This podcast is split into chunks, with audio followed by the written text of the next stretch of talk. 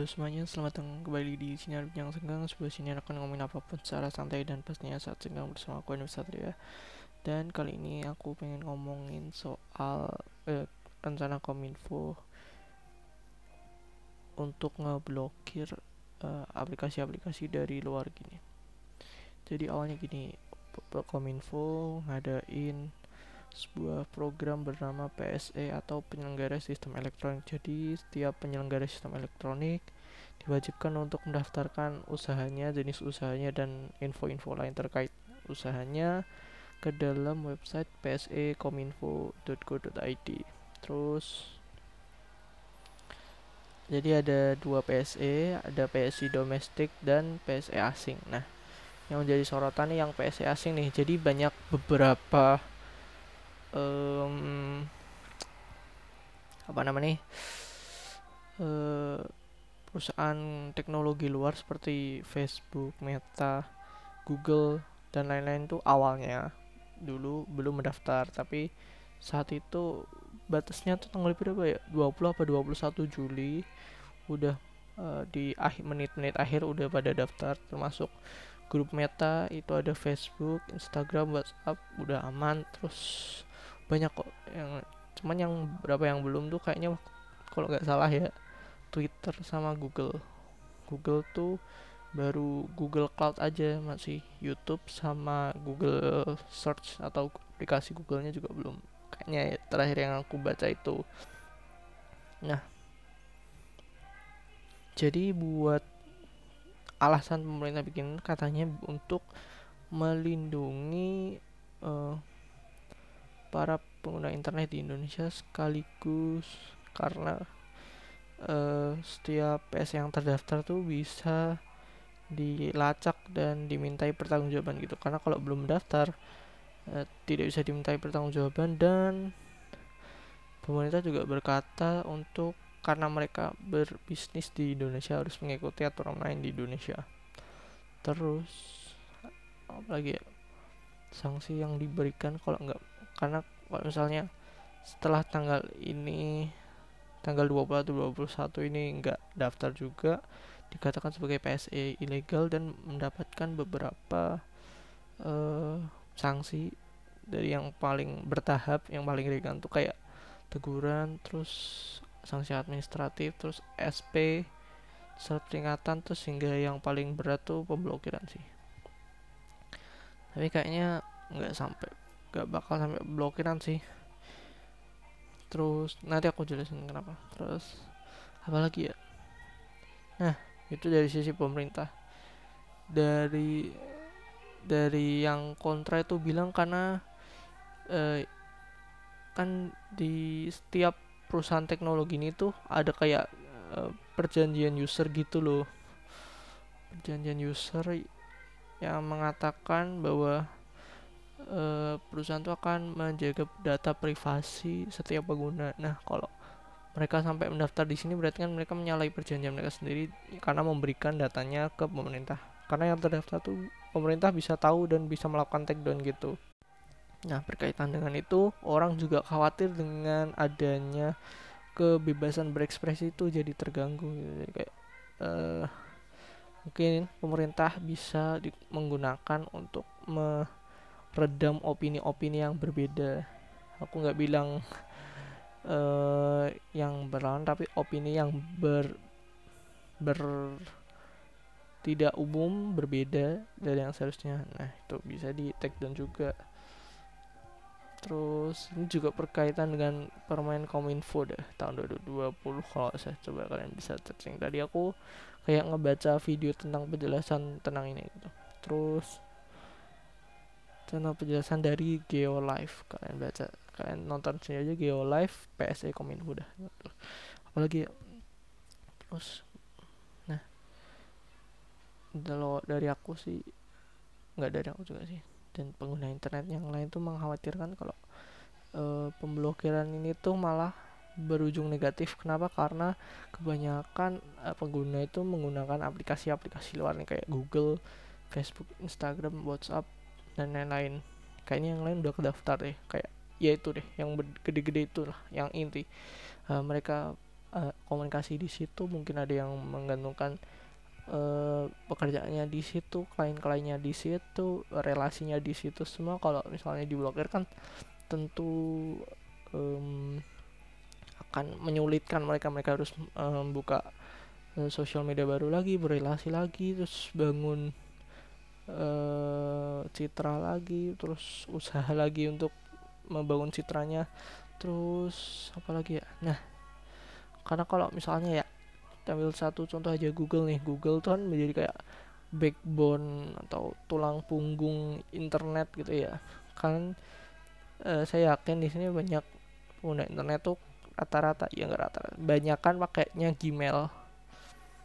Karena kenapa? Karena pengguna uh, eh, HP di Indonesia tuh banyaknya kan Android ya. Android kan pasti udah ada Gmailnya. Rata-rata orang pasti daftarnya Gmail gitu.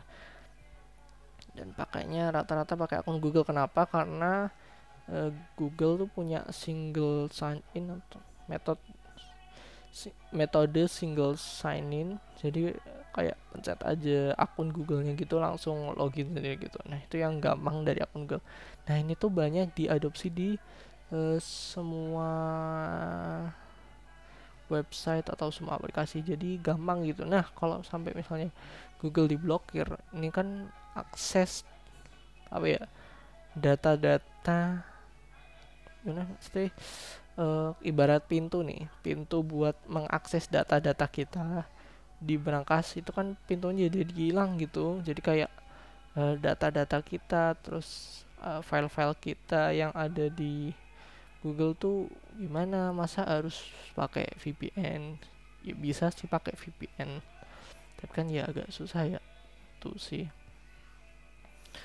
Nah itu sih uh, pro kontra dan biasanya uh, kalau dari aku sendiri sih ya uh, mungkin bisa saja ini di apa ya digunakan untuk agenda-agenda tapi sebelumnya itu pemerintah juga mengatakan bahwa ini tuh alasannya untuk mencegah berita hoax gitu. Gitu. Nah kalau dari aku sendiri mungkin ya bisa saja bisa saja nih mengancam kebebasan berekspresi. Jadi kayak yang berbeda-beda itu um, jadi lebih banyak di take down gitu sebenarnya sih aku nggak apa-apa ya karena aku kan memiliki kayak kemampuan untuk membedakan yang mana sih yang berita asli berita yang benar mana yang berita hoax berita yang niat yang memecah satu sama lain kan aku punya kemampuan untuk membedakan itu. Tapi kan gak semua orang punya kemampuan seperti itu gitu. Itu sih selain mengancam kebebasan terus juga karena Google misalnya Google dan dari Meta diambil dua aja itu tuh udah kayak backbone tulang punggungnya internet pengguna Indonesia kalau mereka nggak pakai itu mau pakai apa gitu loh. Dan semua usaha terus energi yang mereka hasilkan untuk membangun uh, apa ya, ya citra mereka di sosial media itu gimana gitu loh. Masa tiba-tiba hilang begitu saja. Terus ya kan lebih mempersusah sih.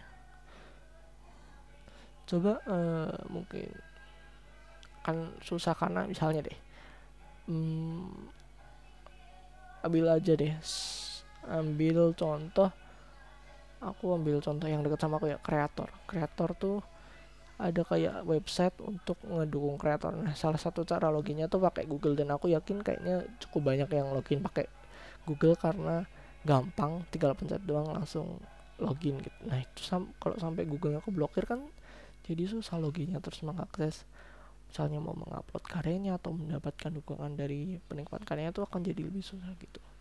Itu sih. Itu aja sih. Ya mungkin moga aja uh, uh, menurutku kalau terdaftar bagus ya jadi kalau apa-apa bisa dimintai pertanggungjawaban data-data kita tuh mungkin ada yang menjamin nggak tersebar ke mana-mana karena kan juga banyak ya ada rumor bahwa perusahaan sosial media tuh memperjualbelikan data kita ya. gitu sih.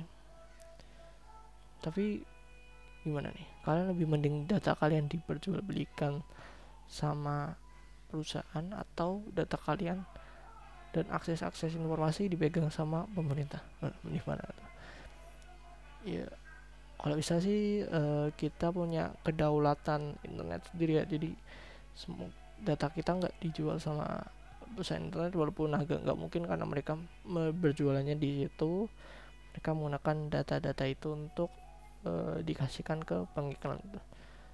Dan kalau kalau kalau uh, informasi-informasinya di dapat diakses pemerintah tentu kan nggak ada privasi. Jadi mungkin pemerintah bisa se bisa untuk me, dengan lebih mudah men down sesuatu yang tidak se selaras dengan yang diinginkan tapi itu asumsi aja ya bisa benar bisa salah. Ya aku berharap yang terbaik lah untuk semuanya gitu aja. Ya terima kasih aja yang udah mendengarkan siniar ini. Semoga nggak terlalu semoga nggak ada suara berisik ya. Ini aku mencoba untuk mencari ke apa tempat yang tenang untuk syuting ini dan semoga nggak terlalu pelan aku ngomongnya. Terima kasih yang sudah mendengarkan btw aku ada Instagram untuk podcast bincang senggang ini. Di Instagram dengan @bincang_senggang dan buat kalian yang mau denger uh, senior tentang anime manga dan semangatnya kalian bisa mampir ke podcast aku yang lain bernama Second Man. Gitu aja sih. Terima kasih sudah mendengarkan dan selamat bertemu di episode selanjutnya. Untuk jadwal rutin setiap dua hari sekali. Sampai jumpa